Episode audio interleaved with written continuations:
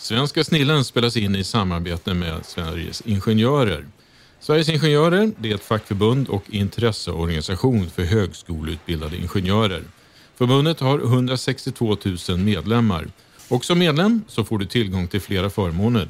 Bland annat Ny Tekniks premiuminnehåll. Och vill du ha tillgång till premiuminnehållet, ja då ska du aktivera din prenumeration på nyt.se aktivera. nyt.se aktivera. Och vill du ta del av fler fördelar som ett medlemskap innebär, ja då ska du klicka in på sverigesingenjörer.se. Sveriges Ingenjörer hälsar även att du som ingenjör gör skillnad för världen och att de ser till att göra skillnad för dig. Och vi på Ny Teknik tackar för samarbetet med Sveriges Ingenjörer. Flyg var ju, stod ju helt utanför Parisavtalet 2015.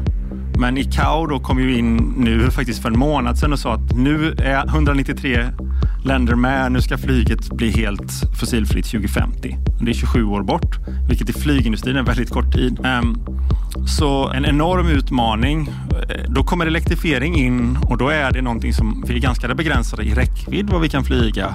Men vi kan då genom att ersätta den dyraste delen av ett flygplan, vilket är en jetmotor då, med en elektrisk motor. Genom att ersätta jetbränslen med batterier då som i princip är elkostnader och amortisering av batterier så får man en produkt som inte bara då är grön men som också är mer, ska vi säga, kostnadseffektiv.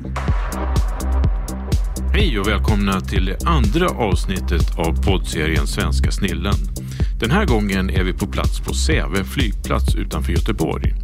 Är det här vi ser starten på en ny flygindustri? En eldriven flygindustri?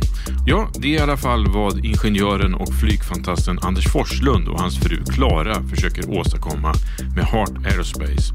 Det här är ett projekt som idag har 150 anställda och snart 500. De har fått in flera tunga investerare och förbokningar på flygplan som ska vara i drift 2028. Hur uppstod då idén till Heart Aerospace och hur går det till att utveckla ett nytt elflygplan steg för steg? Från idé till ritningar till tillverkning och till slut då till kommersiell drift.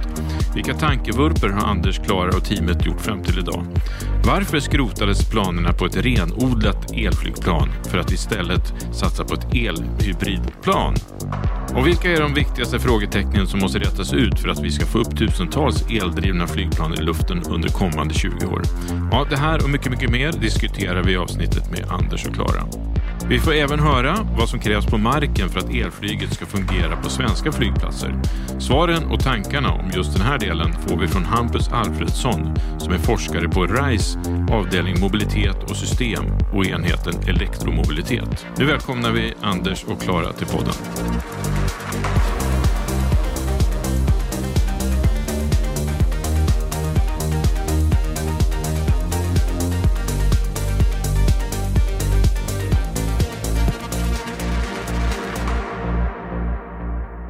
Ja, men hej och välkomna till den här podden, Klara och Anders. Tack. Tack.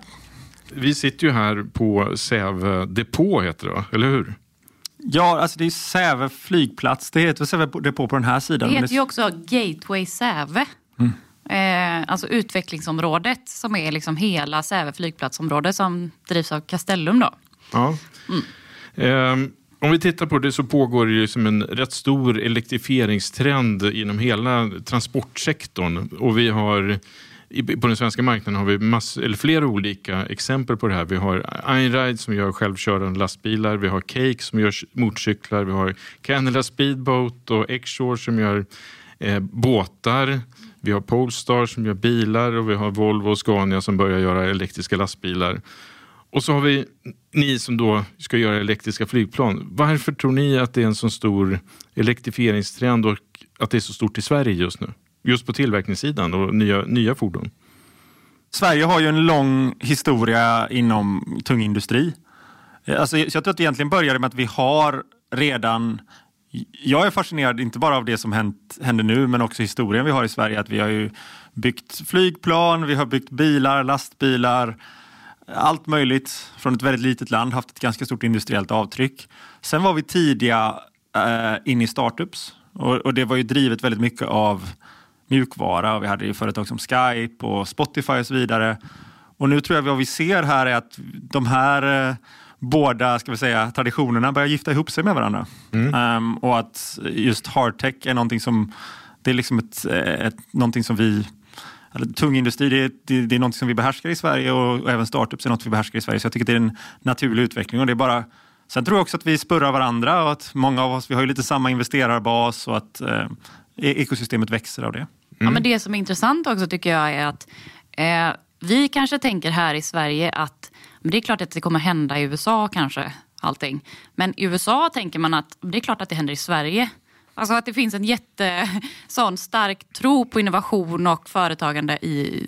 Alltså, ja, att, att det finns här. Och det tycker jag är häftigt. Det har vi märkt när vi har pratat med investerare till exempel. Ja, och nu är det ju så att eh, det här är ju ett familjeföretag, Heart Aerospace. Stämmer. Eh, hur kommer det sig att ni, ni startade det här från första början? Ja, alltså egentligen Anders är ju, eh, alltså har ju doktorerat inom eh, produktutveckling för flyget. Och satt och lödde hemma i köket och förstörde mina skärbrädor och sånt.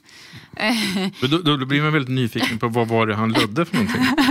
Nej, men, Jag, jag, jag kan ju berätta lite så här, så här vad, vad som hände var väl att jag jobbade inom flygindustrin och jag doktorerade inom det. Och vi åkte också tillsammans då till Boston där, eh, där jag fick ett eh, scholarship för att vara på MIT. Och det var mitt inne i den här drönarrevolutionen. Så då, eh, då eh, så började jag, för jag, jag nördade ner mig totalt på det här. Eh, det, och det som fascinerade mig var just enkelheten i att äntligen få bygga de här sakerna som om man exempelvis jobbar med jetmotorer så kommer man inte så nära produkten. Att el är någonting som, alltså elektrifierande saker är så himla demokratiserande för att du kan börja med att pilla med drönare eller elektriska skateboards eller något så vidare och så fungerar, fungerar tekniken i princip identiskt. Så jag kände att jag ville ta igen ett kunskapsgap där och det ledde till att jag satt hemma och testade massa olika system och lödde, ja, lödde massa byggde egna drönare. Ja, ehm, och samtidigt så drog vi igång ett projekt på Chalmers som hette eh, ELIS, elektrisk lufttransport i Sverige, som var ett forskningsprojekt där vi började titta på vad skulle det innebära att göra bemannade farkoster. Och det var ju det som egentligen var det som tog fart. Eh, och det var det som egentligen var där jag hade min kompet egentliga kompetens. Då. Så att eh, allt ändrades då när, när vi kom in på det här Y Combinator i Silicon Valley. Um, och eh, det var då som egentligen både Klara och jag eh, tog tjänstledigt från våra tjänster och Klara jobbade då på, eh, på Göteborgs stad. Mm. Och vi flyttade till ett litet hus i Mountain View och började liksom driva det här företaget tillsammans. Och vilket företag var det? Heart Aerospace. Det var Heart Aerospace. ja. Eh, så det här var 2019, så det är ganska nyligen. Då. Och, och sen har vi då, började vi där och då blev vi fokus väldigt mycket på um, att ska vi säga, hitta tidiga kunder. Så vi hörde av oss till Bra och SAS och vidare och, och liksom tog fram ett koncept på ett flygplan och ville att de skulle visa de, de fanns ett så att säga, letter of interest från dem. Eh, vilket de var med och stöttade oss redan från början och det gjorde att vi kunde ta in vår första finansieringsrunda. Så då spola fram till 20, eller till liksom 2019, juni, juli. Då flyttar vi hem från Silicon Valley eh, och kommer ut här i Säve och, och, faktiskt hittar det här rummet som vi sitter här idag och spelar in podcasten och den här mm. lokalen som fanns ute på Säve som då Klara hittade. Eh, du kan ju berätta lite om det kanske. ja, men alltså det var väldigt spännande för att eh, vi fick kontakt med Castellum på något sätt och jag minns inte riktigt hur. Men de hade i alla fall lokaler tillgängliga. Och från början var det liksom på flygplatssidan men så sa de att vi har också en tom, alltså ganska stor lokal på andra sidan som eh, ja, i princip är ganska nybyggd. Men eh, det är ingen som, som hyr den just nu. Och den, det är kontorslokaler med tre hangarer. Vi bara, mm, ja men vi kan åka och titta liksom.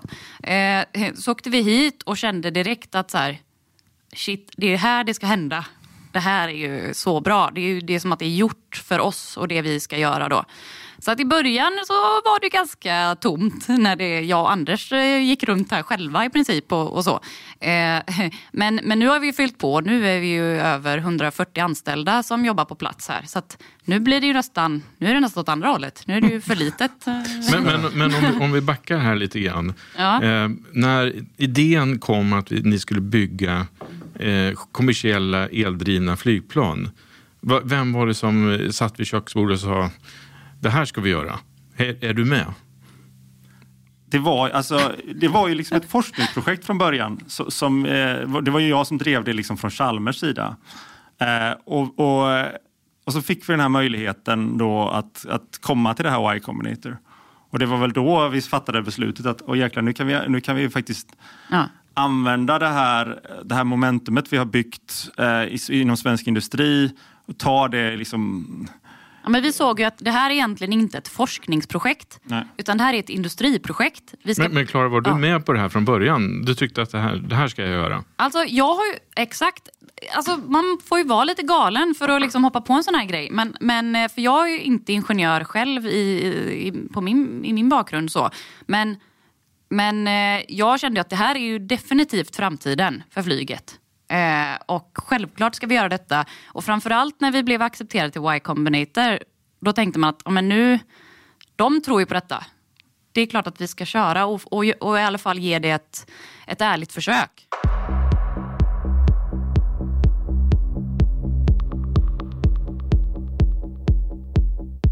Innan vi går ner och pratar mycket, mycket mer om Heart Aerospace så tänkte jag att ni kunde berätta om vilka är de stora trenderna i liksom inom den globala flygindustrin just nu när det gäller innovation och eh, flygplansutveckling?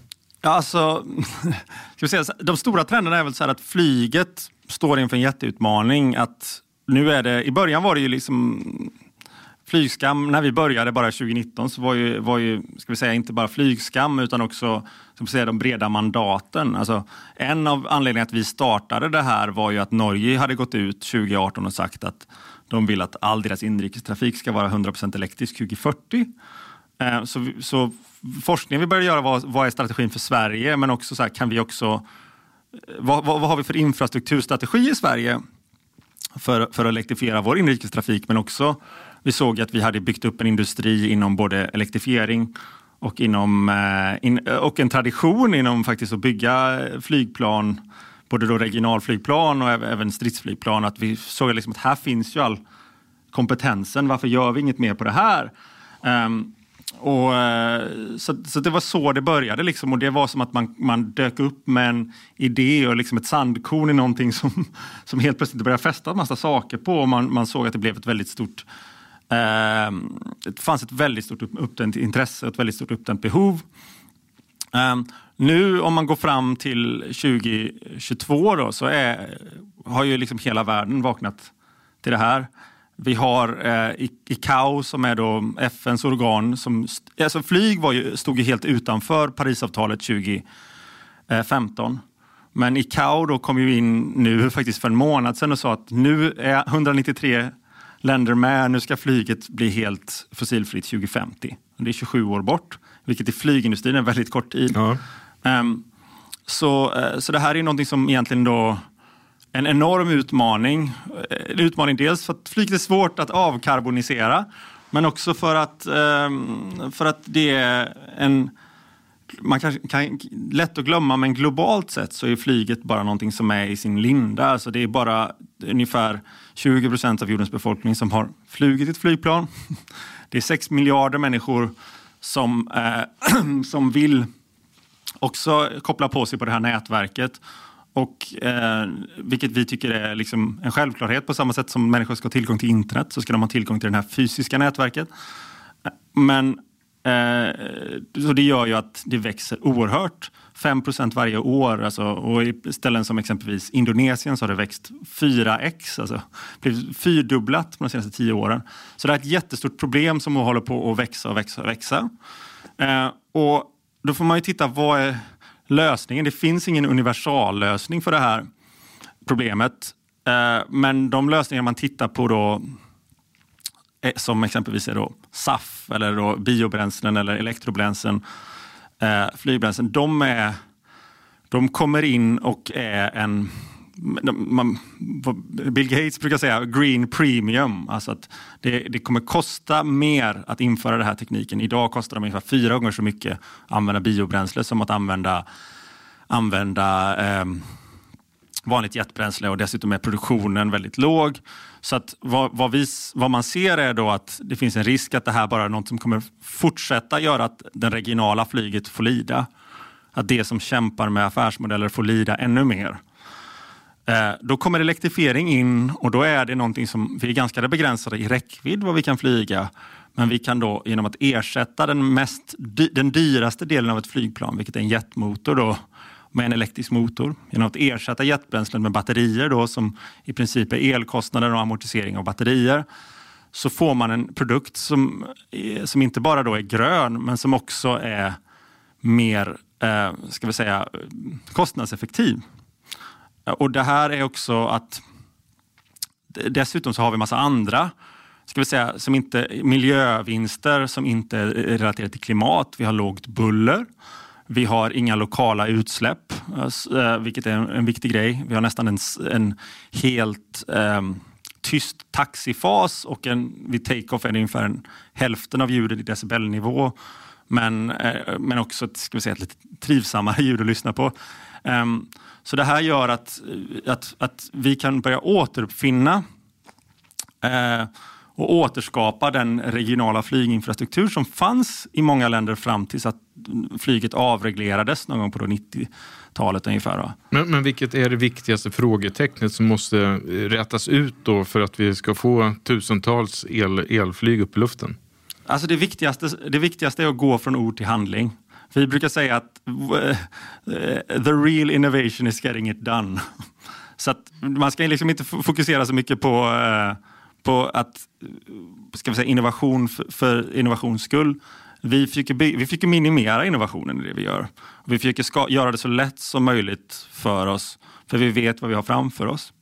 Eh, och det handlar om att det, ett flyg handlar inte om att bygga en, alltså en prototyp som man kan flyga liksom en gång, utan det handlar om att bygga någonting som man kan sätta passagerare i, där man kan garantera att det är ska vi säga, um, det får inte hända något. Man ska kunna flyga 100 miljoner timmar utan att det händer någonting. Um, och, och Det här är någonting då som, det är en oerhörd certifieringsprocess och det är någonting då som ett startup inte kan göra själv. Så att vad vi försöker bygga är här då den kritiska massan av kompetens för att bli den systemintegratören då och sen jobba med ett gäng underleverantörer som levererar alla de här komponenterna som den sen då ska sättas ihop här i Göteborg eh, och, och, levereras från, från våra, våra faciliteter här i Säve. Vad, vad skiljer då livscykeln mellan eh, traditionella flygplan och ett elflygplan, skulle du säga? Vi ser ju flygplanet som platt, en plattform. Och jag tror att det är så man ska uppfatta, alltså det är ju liksom ingen konsumentprodukt. Det är någonting som har, även ett individuellt flygplan har en livslängd på 30 år. Och sen eftersom det finns många inlåsningseffekter i det här som att när när eh, ett flygbolag köper en 737 så vill de gärna köpa mer 737 och så vidare. Jag menar, flygindustrin idag domineras av två arkitekturer. Det är Boeing 737 och Airbus A320. 737 kom 1969 eh, och eh, den är baserad på ett flygplan som kom 1958 och har egentligen inte förändrats sedan dess. Va? Och nu ser vi när nya, te nya tekniker kommer är att folk försöker då, vissa som utvecklar nya drivlinor försöker använda de här gamla plattformarna som finns. Kanske inte 737 men Dash, Bombardier Dash 8 eller, eh, eller ATR 72 eh, och 42 som är då de regionala flygplanen. Även Saab finns det projekt där man använder de gamla Saab-planen och försöker sätta på eh, den här nya tekniken på. Men det saknas då en plattform för det här. Så när vi skapar det här flygplanet ES30 så är det designat för att vara elektriskt. Och det är inte bara drivlinan utan det är även de andra systemen ombord. Allt från avvisningssystem till flight controls till eh, så att allting är liksom ett modernt flygplan som funkar med el. Och då menar vi att det blir plattformen som flygbolagen kan bygga på under de närmsta decennierna. Där nu har vi då en hybridarkitektur och vi kan flyga 200 kilometer på, rent på el. Men i och med, att batterier, eh, med, i, i med det att batterier blir bättre så kan vi då flyga längre och längre också. Men om man tittar då, jämför, tittar på, på är Elon Musk SpaceX-raketer och NASAs raketer. Ja, just det. Så det är en väldigt stor skillnad liksom i designen och eh, ja, coolhetsfaktorn på något sätt. Ja, ja, ja, jo, verkligen. Eh, Kommer en Heart Aerospace-plan vara vara lika, särskilja sig och se lika, kännas lika modern? Ja, ja, eh, vad jag skulle säga med SpaceX är det som... Jag, jag tycker de är en jätte, ett jättebra exempel på det vi försöker göra. Eh, och, och SpaceX började ju med Falcon 9. De, innan de landade raketer eh, och återanvände raketer så fick de bygga liksom, det, eh, måste säga, minimum viable product. De byggde Falcon 1 och Falcon 9. De gick egentligen var väldigt mycket fokus på eh, enkelhet. Alltså, de, jag tror att ett SpaceX-quote som jag gillar är det här “True simplicity, eh, liksom quality and low cost go hand in hand. Alltså. Vi, det kom från en, en värld där, alltså rymdfärjan är ju extremt, alltså det, jag är så fascinerad av, av, av rymdfärjan som NASA byggde på grund av den designkomplexiteten som kom över ett sånt projekt och hur många kockar som var med i den soppan. Eh, och, och liksom, och, och, så att det, sånt här är så himla roligt och det är också det som är min min bakgrund är inte att jag är en flygplansdesigner utan det är att jag är en produktutvecklings eh, eh, doktor egentligen. Då, va? så jag, jag, jag tycker sånt här är så jätteintressant.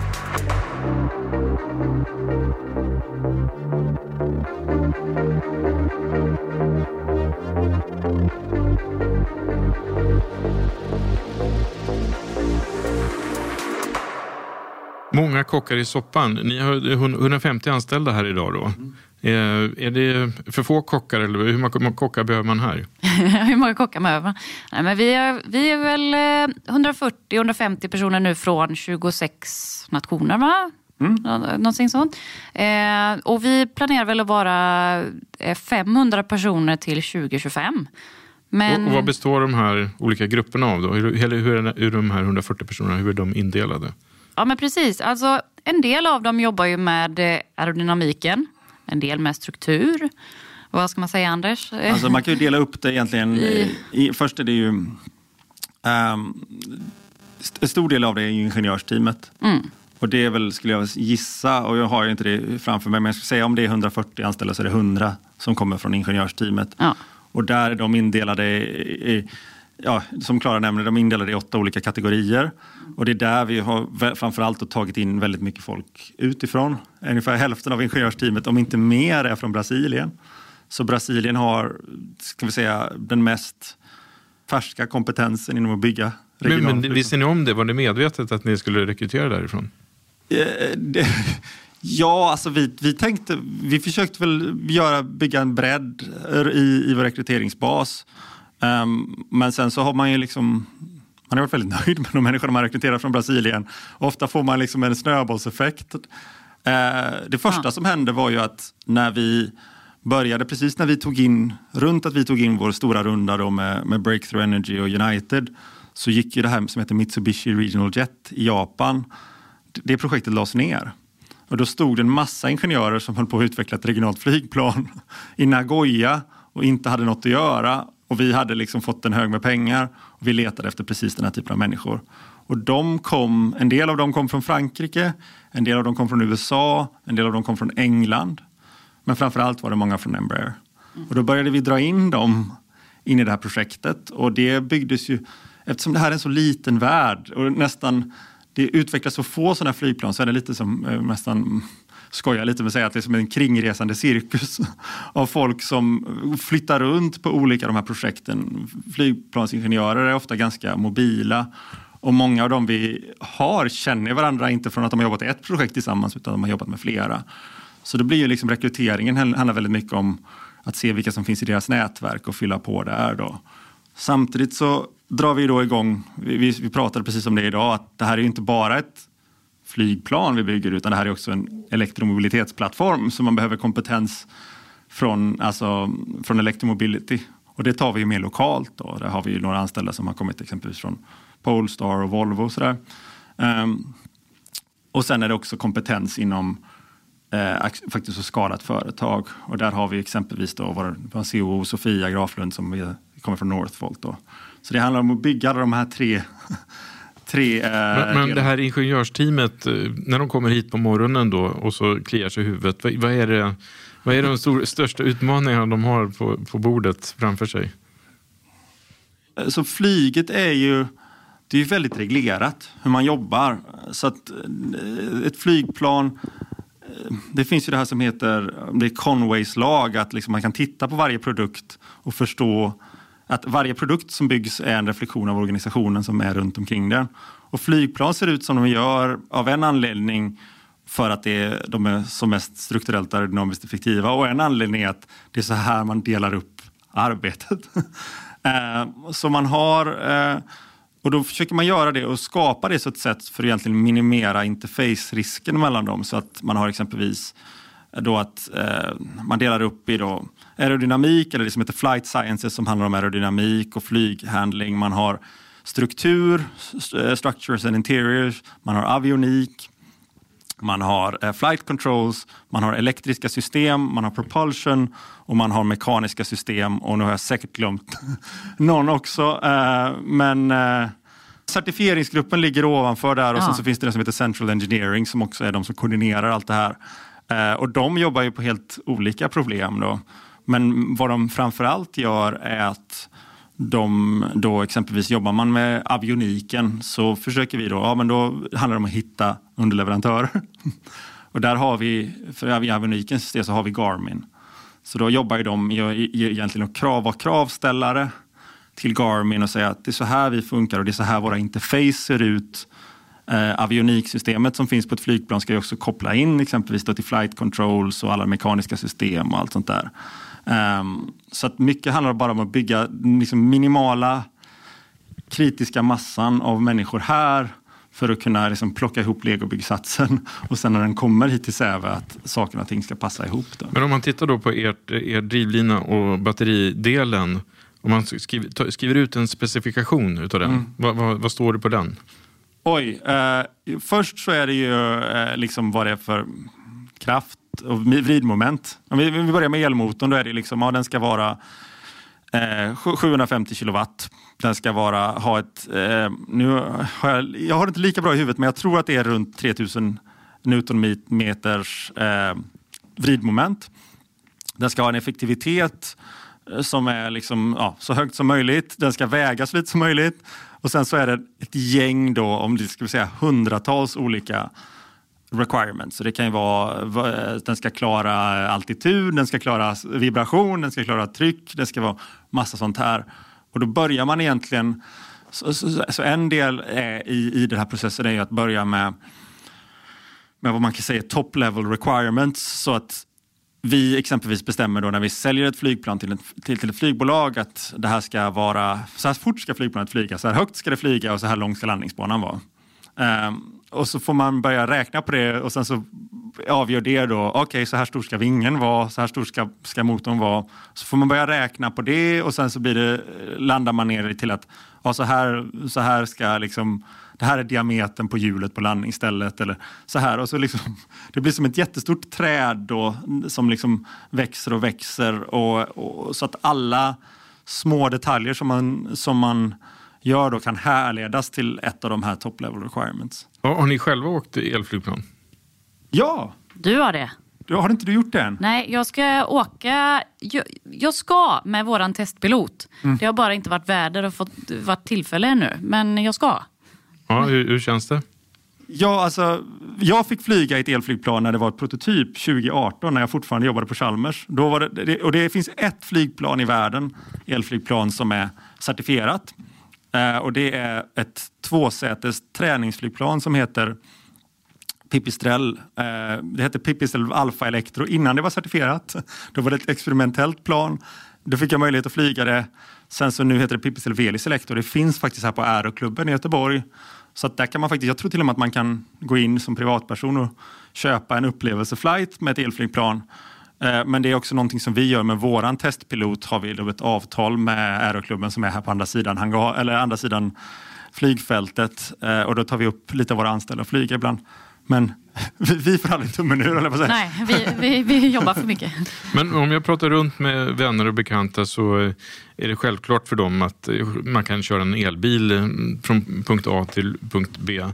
Men det är inte lika självklart att kliva på ett elflygplan. Man känner sig mycket mer osäker. Vad, vad beror det på? Jag vet inte, men jag tror att i början så tänkte nog folk detsamma om elbilen. Sådär att, men vadå elbil? Eller så att det kändes väldigt främmande och, och så. Men nu känns det som att det är en självklarhet och att så, många rycker inte på axlarna för det. Nej, men jag tror, du har helt rätt. För det första, jag tror att man, det viktigaste är att man upplever det själv och få sitta i flygplanet och, och få uppleva Eh, det faktum att det finns så mycket i, flyg, i flygplansdesign som är intressant. Och en av dem är ju liksom att en jetmotor har ingen växellåda. Så det är lite som ett flygplan är lite som att köra en bil med manuell växellåda fast bara få ha en växel i. Liksom. Eh, vilket gör att det finns väldigt mycket ineffektiviteter. Eh, och, så det är nästan ännu mer spännande med vad man kan göra med, med elektrisk framdrivning. Då. En, det på samma sätt som liksom en elbil har ju ingen växel fast den är ju, är ju väldigt, har ju väldigt bra vridmoment under hela, ska vi säga, från, från att man startar till att man eh, kommer upp i höga hastigheter. Och det tror jag är liksom, det är det som är så häftigt med det här. Mm. Och, och, för ett tag sedan då kom ju beskedet att ni överger tanken på ett renodlat elflygplan och istället ska ni bygga ett hybridplan med både elmotor och förbränningsmotor. Eh, vad var det egentligen som hände här? Egentligen det som hände var ju att eh, vi behövde möta kraven på reserv.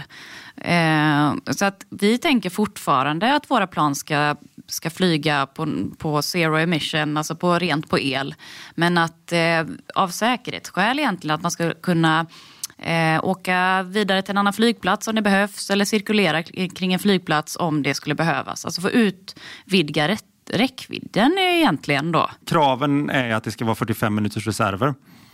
Eh, och att det är och att det är en 100 nautiska mils eh, alternates, alltså flyga till en, en annan flygplats. Och vad vi visste redan från början var ju att om man kollar på alla de här, ska vi säga, det finns olika typer av reserv requirements. Och det, och det finns tillfällen när man exempelvis har, en, har, en, har en, eh, ett flygfält som har två landningsbanor där man kan slippa den här 100 nautiska miles alternate. Så att, då var vi så här, ja, men vi ska försöka bygga ett så enkelt flygplan som möjligt och ska vi flyga med de, ska säga, de mest välvilliga tolkningarna som vi kan försöka få igenom i, typ, i Norge. För att fly, operera det här då, flyga de här eh, väldigt korta rutter, då, typ bergen, Stavanger och så vidare. Eh, men sen när vi började liksom få in United Airlines, när vi började få liksom den stora marknaden intresserad av det här, så eh, var det dels, visade det sig att det här med att vi byggde ett 19-säters flygplan som var eh, ehm, eh, egentligen det som kallas för Part 23 i USA, då, att certifieringsbasen var Part 23. Och till att eh, den typen av flygplan kan inte ens flyga kommersiellt i USA eh, i, i reguljär trafik. Så då, då var vi ännu tvungna att ändra certifieringsbasen då, och vi hade ett väldigt stora krav på oss att bygga ett större flygplan eller väldigt stora önskemål från flygbolagen att det här var flygplanet var för litet. Um, så då gick vi tillbaks till en idé som vi har haft liksom, egentligen var med från början när vi var på Y Combinator som var att ha en, ha en, um, en APU, då helt enkelt en turbogenerator. Så bak på varje kommersiellt flygplan så sitter det en liten generator som drivs på jetbränsle som används för att, för att eh, ge el till alla systemen som finns på flygplanet. Och Det är en backup egentligen för att man tar också el ur, ur, ur jetmotorerna. Men men eh, så det är ett ganska enkelt ska säga, tankesteg att tänka att om då bygger vi en lite större generator sätter eh, i, till vårt flygplan då, som också kan driva eh, flygplanet framåt. Och, eh, det behöver inte vara så stort så att det kan, liksom, flygplanet kan lyfta med hjälp av den kraften som kommer från den här turbogeneratorn. Det handlar bara om att den ska kunna vara tillräckligt stor för att kunna eh, driva cruise-segmentet då, när, när flygplanet är uppe i luften, att det ska kunna förlänga det. Så att man exempelvis när man ligger som Klara säger och, och, och väntar och blir omdirigerad eller åka till, till en annan flygplats så kan man liksom sätta på det här systemet. Eh, och det här är någonting som låter, som, som sagt, de tekniska beståndsdelarna finns alla där. Det som det händer är att man drar in en, en nivå av komplexitet där, så det var ganska mycket studier att förstå exakt vad händer när när, när eh, slår man på de här? Vi hamnade då i en arkitektur nu när vi har två stycken turbogeneratorer som är lite mindre men som också ger en redundans då och också skapar liksom en, ska säga, en symmetri i hur el... Så att, ah, det, det, har, det har varit lite sådana här studier men i, i princip så är det så här att det första flygplanet det ritade vi liksom i vårt lilla hus i Silicon Valley. Eh, det här flyg, och sen så drog vi in en massa av de bästa flygingenjörerna i världen och försöka göra det till verklighet. Och de kom ju hit av en anledning av att de tyckte att det var ett solitt koncept. Men det kändes efter ett tag då när vi började verkligen gå igenom alla de här kravspesarna och allt det här så insåg vi att, att liksom datan pekade åt ett annat håll. Så det kändes väldigt roligt när vi egentligen sa så att ah, ja, men nu, nu gör vi det här, att nu, nu, eh, nu kör vi liksom en design revision här och börjar kolla på om vi, om vi vet de sakerna vi vet idag som vi inte riktigt visste eh, och de kompetenserna vi har. Och också ska vi säga den möjligheten vi hade för att vi också hade ju liksom fått ett, ett stor order. Så att vi såg det här som att Eh, vi, har en stor order, vi har liksom Breakthrough Energy och Bill Gates i ryggen finansiellt. Vi har en stor order från världens näst största flygbolag. Och, och att ta det här, eh, de här lärdomarna, till, inte till att ta ett steg tillbaks utan ta ett steg framåt. Till ett större flygplan som har liksom en mer global, inte bara en nischprodukt för Norge och Sverige utan någonting som har då en global marknad. Eh, och Det är klart, när man fattar ett sånt beslut då är man ju rätt svettig. Liksom. Eh, men nu är det väl, liksom, det är väl ett, börjar väl närma sig, ja, det är väl tio månader sedan vi liksom verkligen fattade beslutet att vi skulle göra den här designuppdateringen och det är väl en månad sedan vi gick ut med den. Och eh, Det känns ju som det bästa vi har gjort. Liksom. Och hur många, kommer, hur många platser kommer det här nya planet ha? Ja, det, nu har vi gått från 19 till 30 säten. Då, så det är ju liksom 57 procent. Och så dessutom då har vi faktiskt då mer än fördubblat bagageutrymmet. Då. För det var en annan sak att vi liksom kämpade med viktrestriktionerna inom den här eh, part 23.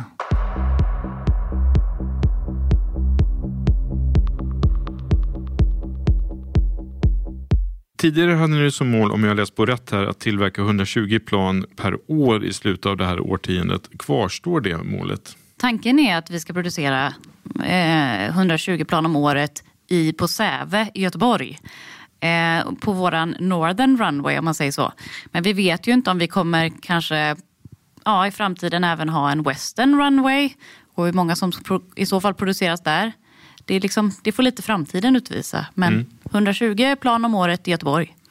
Eh, men betyder det här också att ett renodlade elflyg från Heart Aerospace, det kan vi, kan vi glömma nu? Utan det här, ni går mot de större planen?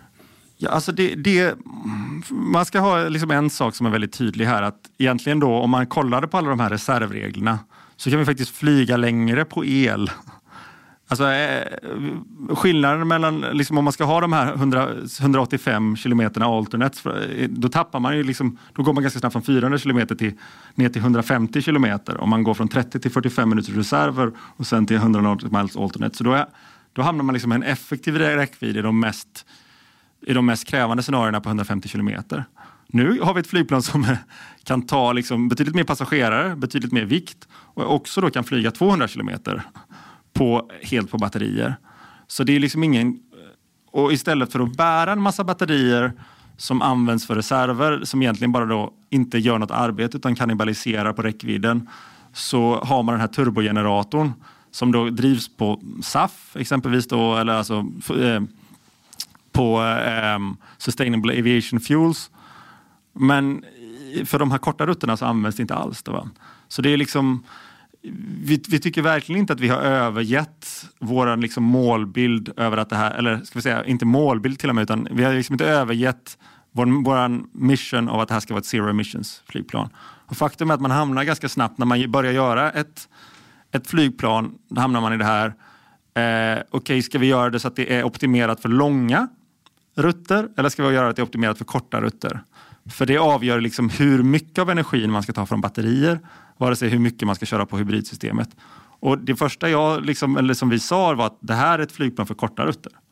Så, att, så att liksom, den typiska flighten är ju liksom eh, Stockholm till Visby eller härifrån till Köpenhamn eller ja, den här typen av rutter, alltså bergen till Stavanger i Norge. Eller, så att, och det är det här också vi får den bästa ekonomin.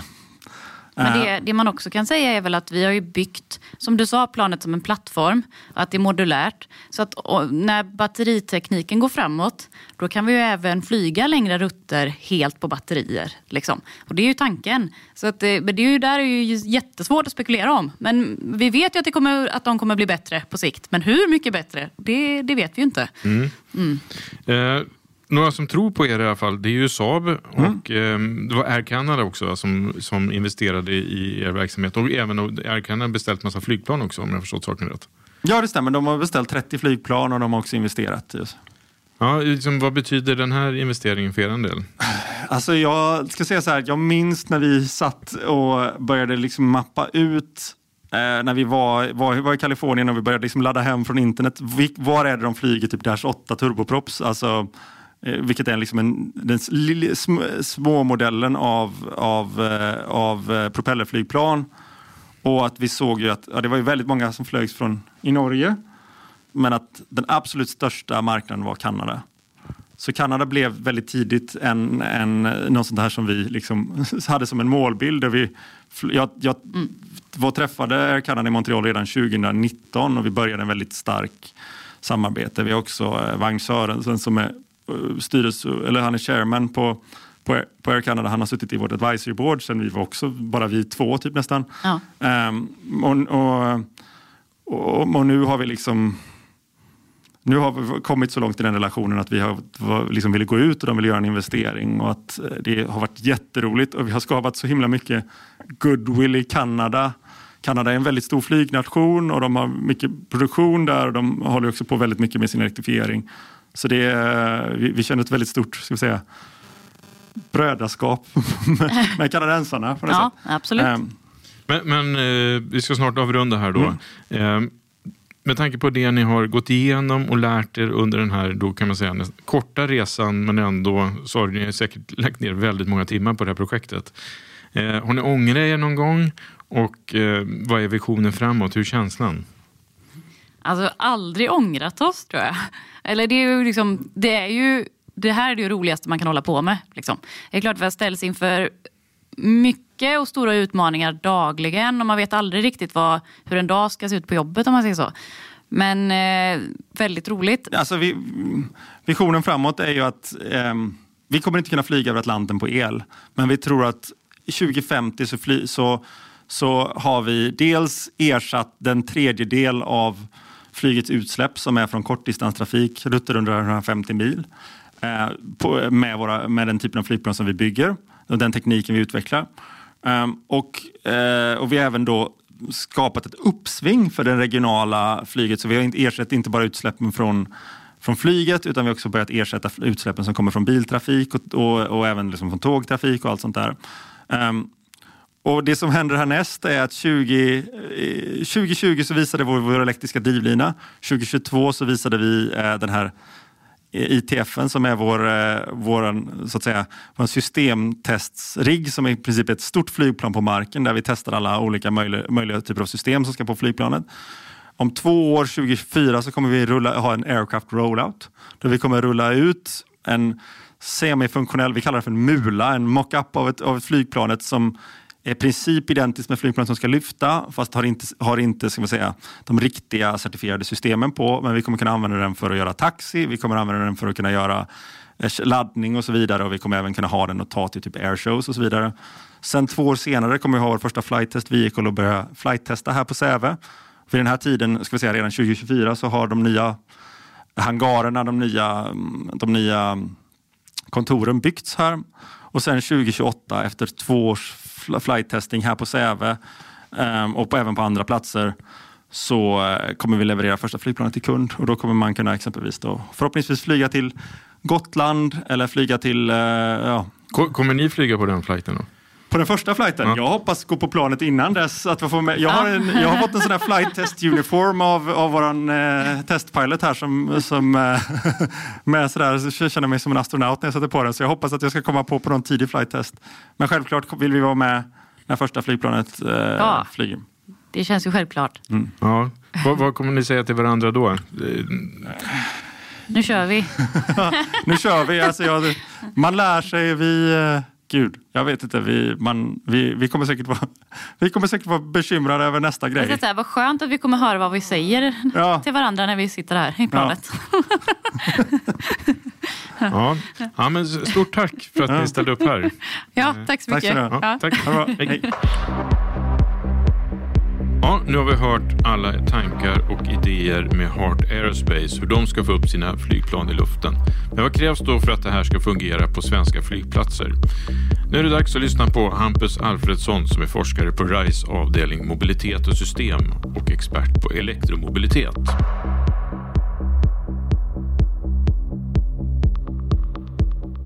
Jag heter Hampus Alfredsson eh, och har jobbat i lite drygt fyra år nu som forskare inom elektromobilitet och på RISE, eh, Research Institutes of Sweden.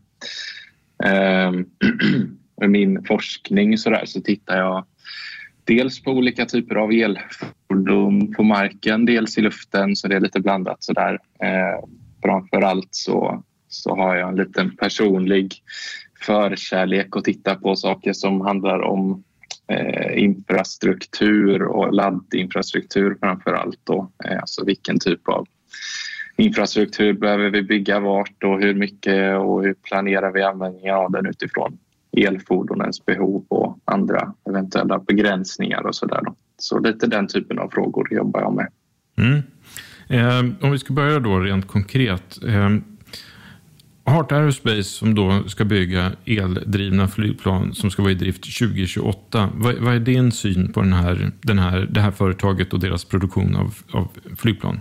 Ja, Heart Aerospace är ett ganska nytt eh, företag. Jag tror de började sådär 2018, 2019 eller någonting sånt där. Och, eh, och det, de, det de gör är ju väldigt eh, sådär eh, Eh, framåt får man väl säga. Eh, de tar ett kliv som, som ingen tidigare har gjort inom, inom flyget och och sådär. Ehm, och, ehm, och jag tror liksom anledningen till att man startade och så är väl att man ser att vi har kommit till ett läge idag där, där det här är realistiskt att börja titta på just elektrifieringen inom inom flyget också. Då. Ehm, alltså I grunden så vet vi ju att, att eldrift kommer att spela en, en eh, stor och sannolikt avgörande roll eh, för omställningen från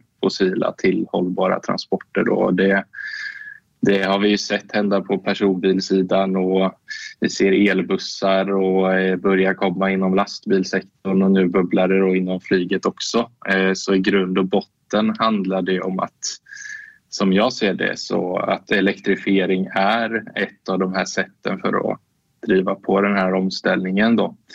Ehm, sen har det ju visat sig att elfordon är mer effektiva, kräver kanske mindre underhåll och batterikostnaderna framför allt har minskat väldigt mycket under senaste decenniet. Så, där. så Eh, och samtidigt nu då idag som vi ser väldigt höga bränslepriser och så där. Så det kan ju samtidigt vara så att eldrift faktiskt eh, blir det mest kostnadseffektiva alternativet framåt med. Då. Ja, men vad är det som är så speciellt och utmanande med att bygga elflygplan jämfört med en elbil exempelvis? Ja, precis. Det är ju nästa fråga då. Alltså vad kan vi åstadkomma med elektrifieringen och hur använder vi det verktyget på på bästa sätt. Och vi har ju blivit rätt så bortskämda sådär med fossilbränsle som innehåller väldigt mycket energi så man kan köra långt på en tank eller flyga långt på en tank och samtidigt så går det väldigt snabbt att fylla på och sådär så att det är ju, det är ju ett eh, ur ett användarperspektiv ett, eh, ett skönt medium att kunna luta sig mot om man säger och skiftar vi till batterier då så innehåller de i grunden förhållandevis lite energi.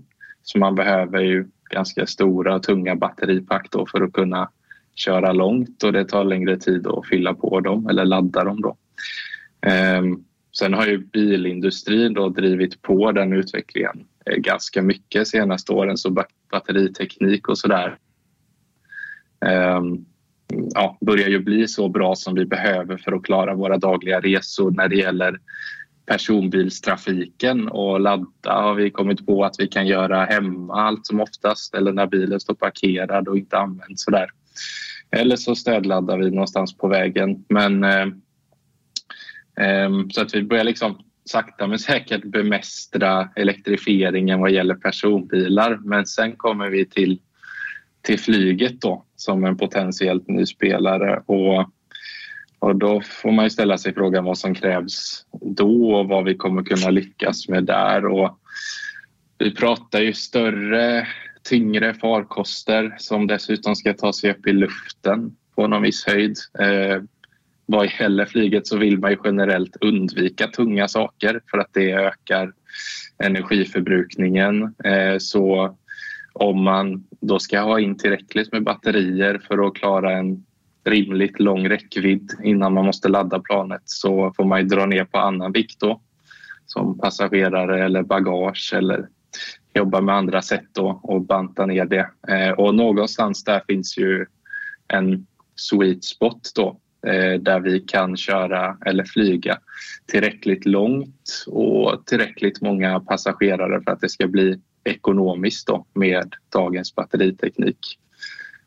Um, sen är vi ju, eh, alltså om vi pratar om Heart Aerospace då så var ju deras initiala plan var ju eh, 19 sit-sit som skulle gå helt på på batterier då. Man pratade om 40 mil har jag för mig räckvidd där. Ehm, och som, som du nämner då att man har nu gått över till ett eh, förvisso lite större flygplan med 30 säten men man har då eh, tänkt om och gör det som en, en hybrid då istället där man har 20 mils batterikapacitet och sen kan man eh, förlänga den räckvidden genom att och, um, köra eh, flygbränsle då genom en turbogenerator om det behövs. Um, men det är inte bara Heart Aerospace. Alltså, Eh, vi ser ju, det finns ju annat, ett annat bolag som är israeliskt som heter Eviation som också ligger ganska långt fram vad gäller eh, elflyg då och eh, de tar fram ett som ska vara i sitt sitt. Och där har man tidigare pratat om 80 mil tror jag på rent på batterier i, i luften då och eh, den siffran uppdaterade man här ganska nyligen till, till 45 mil. Så ungefär en halvering där också som vi har sett på även för Heart Aerospace då. Så att eh, det är ju hela tiden det där vad är batteritekniken eller var står den idag och vad tror man att den kommer stå när man förväntar sig att man har ett, ett flygplan färdigt för kommersiell drift då och så där. Så det är ju en, en liten balansgång där med, med eh, att göra den där bedömningen om vad som kommer vara möjligt. Då, som jag men, men, men, hur tror du att eh, en flygplats 2030, eh, hur kommer den se ut eh, avseende flygplanen? Jag, jag tror att till... Ja, nu siktar ju Heart Aerospace på 2028 eh, och jag tror väl att till 2030 då och jag tror inte vi kommer se liksom en, att det krillar av elflyg och sådär. Eh, utan kanske snarare så att, att de första farkosterna har börjat komma. Man kommer antagligen eh, använda dem på ganska korta sträckor för det är också en sån där sak då. Det, det är en grej att säga vad som är den teoretiska räckvidden som man kan klara. Alltså vilka flygsträckor kan man trafikera med de här planen. Men i praktiken så, så finns det en del säkerhetskrav inom flyget då vad gäller att du behöver ha viss reservkapacitet över för att kunna till exempel avvika till en annan flygplats om, om det händer något längs vägen eller vädret på destinationen tillåter inte att man landar och då behöver man kunna liksom säkerställa att det, det kommer gå. Så jag tror att vi kommer prata liksom, till 2030 ganska korta eh, förbindelser, som runt 20 mils sträcket kanske.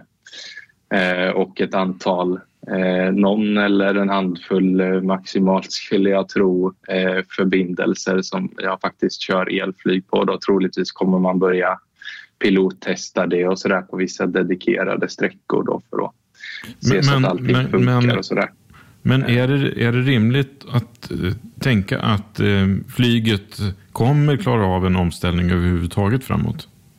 Det tror jag att det är uh, inte en fråga om utan jag tror att det måste, alltså, det är i alla fall min inställning att flyget måste ställa om.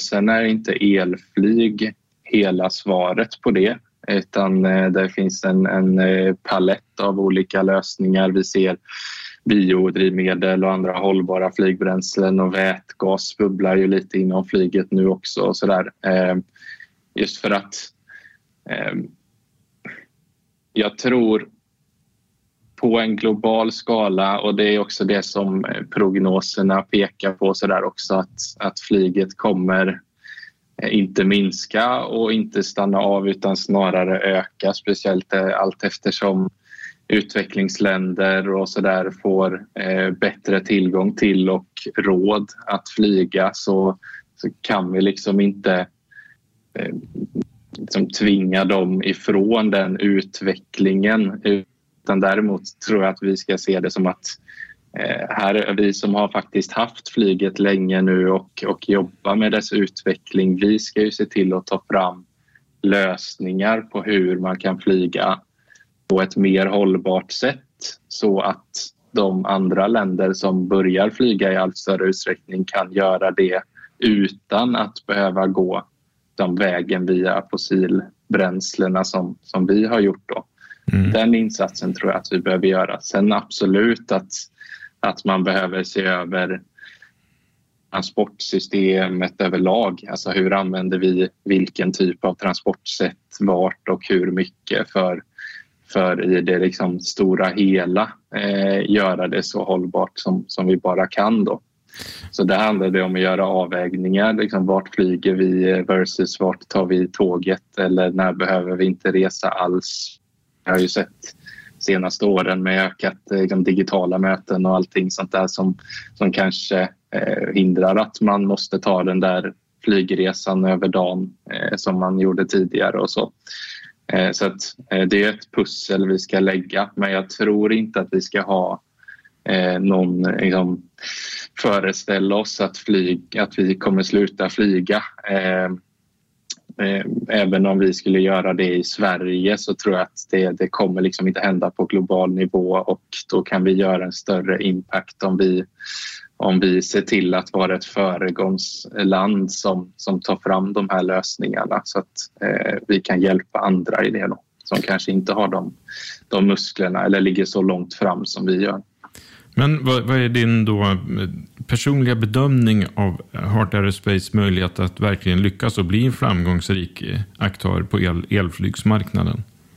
Jag tror, eh, jag tror absolut att de har en, en möjlighet att och bli någon slags pionjärer inom detta. Eh, och eh, jag menar, det har ju gått väldigt snabbt för dem sedan de började.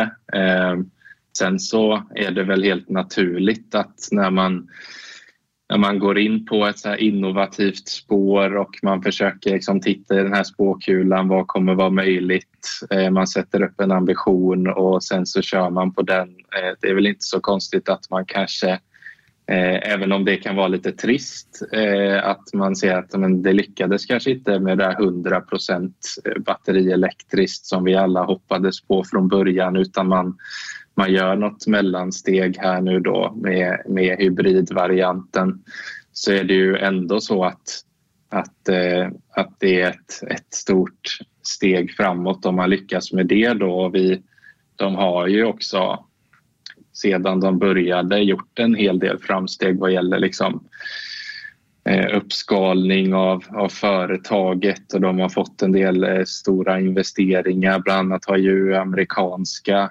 eh, United Airlines och Mesa Airlines och sånt där klivit in nu då som som delägare i bolaget och det finns ett stort intresse där att liksom börja använda de här flygplanen. Sen tycker jag att, att vi här i Sverige ska eh, ha en plan för hur vi vill se flyget eh, eh, liksom nationellt framåt också. Se till att de här innovativa företagen som startar upp, att vi också eh, behåller dem hemma till viss del och att det finns en marknad för dem här också så att de inte bara försvinner utomlands utan vi, jag tycker att vi ska försöka ha det här som en liksom, svensk exportmarknad. Det gynnar ju oss själva också om vi kan ha om vi kan vara exportörer av hållbart flyg i framtiden till andra länder och så där. Så jag hoppas eh, att, eh, att man ändå eh,